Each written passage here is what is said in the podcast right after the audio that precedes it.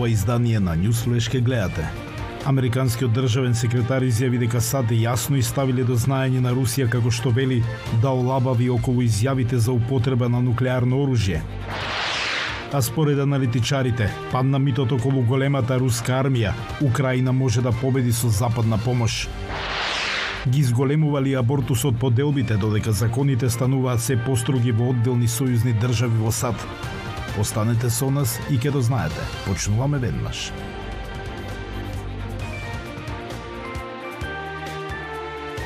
Поздрав од Вашингтон, ова е Ньюсфлеш на гласот на Америка на македонски јазик јас сум Јован Чановски. Садија предупреди Русија дека ќе се соочи со ужасни последици доколку изврши нуклеарен напад во Украина. Американскиот државен секретар Антони Блинкен рече дека Соединетите држави јасно изставиле до знаење на Русија да олабави околу заканите за нуклеарно оружје по изјавата на Путин дека ќе употреби секакви средства, вклучувајќи и нуклеарно оружје. Многу е важно Москва да слушне од нас и да знае од нас дека последиците ќе бидат ужасни. И ние тоа многу јасно го кажавме, изјави Блинкен за емисијата 6 минути на CBS во интервју емитувано доцна во неделата. Блинкен рече дека употребата на нуклеарно оружје би имала катастрофални ефекти, се разбира најмногу за земјата што го користи, но и за многу други. Одговорот на САД дојде од како Путин минатата недела сигнализираше можност за нуклеарен напад додека повика 300.000 војни резервисти да и помогнат на Русија во борбата против Украина. Британското Министерство за одбрана јави дека Русија се соочува со административни и логистички предизвици во обуката на тие војници.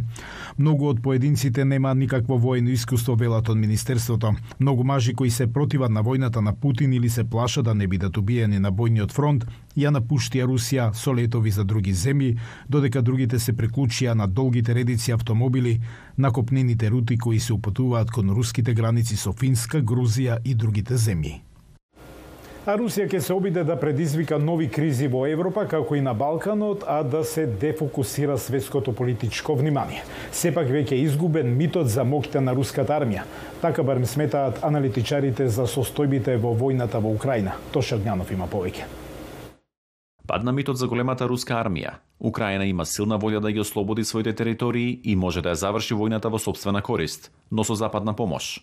Така сметаат наши познавачи за безбедносни прашања, откако украинските сили ја вратија контролата врз поголема територија окупирана од Русија. Падна големиот руски мит дека Украина и Киев ќе се освојат за 15 дена. Големата руска армија не ја извојува победата во изминатите 6 месеци. Значи, нема дилема дека Украина ќе ја зачува својата територија. Нема дилема дека Украина ќе победи. Мислам ако продолжи трендот на ослободување на територија од страна на Украина, мислам дека Украина на крајот на овој конфликт ќе остане независна, ќе остане демократска земја и ќе биде земја која што сигурно очекува да реклам европскиот пат. Познавачите на состојбите сметаат дека со доаѓањето на зимата е можно привремено замрзнување на војниот судир.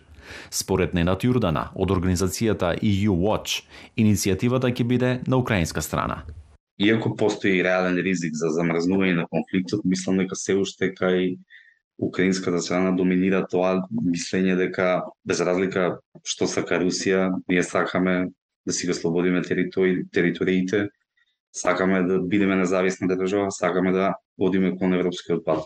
За професорот по безбедност и стратегии Марен Ѓуровски, сегашните успеси на украинската армија не значат и крај на војната. Сега сме далеку од мирно решение за војната агресија на Русија врз Украина. Најважно е на почетокот, но и сега да не дојде до директен воен конфликт помеѓу Русија и Северноатлантската алијанса, бидејќи тоа ќе значи нова светска војна. Воедно, сите тие војни конфликти кои и судири кои би биле на територијата на Украина не смее да се прелеат на соседните држави. Политикологот Јурдана ги објаснува и релациите меѓу Кина и Русија. Меѓу нив да, тоа не е некое партнерство кое што е, е да кажеме, братско или како сакаш да го искористи. Последната средба меѓу меѓу Путин и председателот Си, Си Джинпинг во руската изјава стои два или повеќе пати терминот стратегиско партнерство.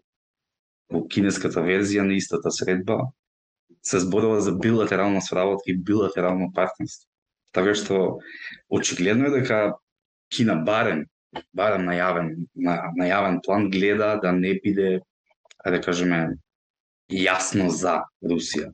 Не се исклучува и можноста за руско иницирање нови кризи ќе се обиде Руската Федерација да отвори бројни политички и безбедносни прашања и на Балканот, но и во Европа и на тој начин а, да го дефокусира вниманието. Професорот нагласува дека вината за кризата со енергенсите е токму кај Москва и незината војна агресија. Посочува дека е необходна победа на демократските вредности. Во однос на победата на Украина да продолжи и да се зголеми воената помош во вооружување и опрема на САД, Велика Британија и другите западни земји за Киев, за да на крајот победат за пакте европски демократски вредности. За жал со оружје, но на крајот Украина ја брани собствената територија. За гласот на Америка, Тоше Огњанов. Откако Врховниот суд ја укина одлуката Роу против Вейт, со која правото на абортус беше загарантирано со Уставот, се зголемија поделбите во многу сојузни држави, каде законите стануваат се построги. We are here for moms and babies. We're here for families Сузан Гај и незината керка Рейчел Гај се против абортус. Во нивната родна Џорџија тие предводат група, чии членови стојат пред клиниките за абортус, повикувајќи ги луѓето да не одат во нив. Сузан Гај вели дека го подржувала правото на абортус кога била на коледж, но религијата го променила незиното мислење. Кога била бремена со Рейчел, лекарот ја советувал да абортира, бидејќи незиното здравје било во ризик, а ембрионот не можел да успее многу смирувачки глас и на некој начин со арогантен тон, ми рече дека моето дете нема да живее, а доколку живее, нема да има квалитетен живот. ќе биде слепо, глуво и со ментални проблеми. На 24 години Рейчел Гај е совршено здрава, но била родена предвреме во 26-та недела, поради што поминала 5 и пол месеци во болница. Елизабет Рид исто така од Џорџија, работи како активистка против абортусот. На 15 години таа била бремена и без дом. Се кажала абортус, но реклама ја однела во центар за ризични бременности. Таму била длабоко погодена од резултатите од ехото. Знаев со целото моje битие дека нема да можам да абортирам. Рид го дала бебето на посвојување. Други бремени жени во САД се благодарни, отимале можност да ја прекинат бременоста. Лорел Марлантес и незиниот сопруг биле воодушевени кога забременила, но подоцна лекарите им кажале дека бебето ќе страда многу ако преживее. Органи не беа развиени, белите дробови и мозокот не беа развиени. Лекарите исто така и кажале од незиниот живот бил во опасност, но 8 години подоцна таа се уште е многу чувствителна на осудите за незината одлука. Мислам дека се зборува помалку за собственото духовно верување, за правото на собствено разбирање на душата. Јас верував дека ова не беше за мојата душа. Прекинот на бременоста бил претежок и за Елизабет и Джеймс Велер од Тексас. I lost my baby. Го изгубив бебето на 18 недели и 6 дена. Ја сакав. И јас и сопругот ја сакавме премногу.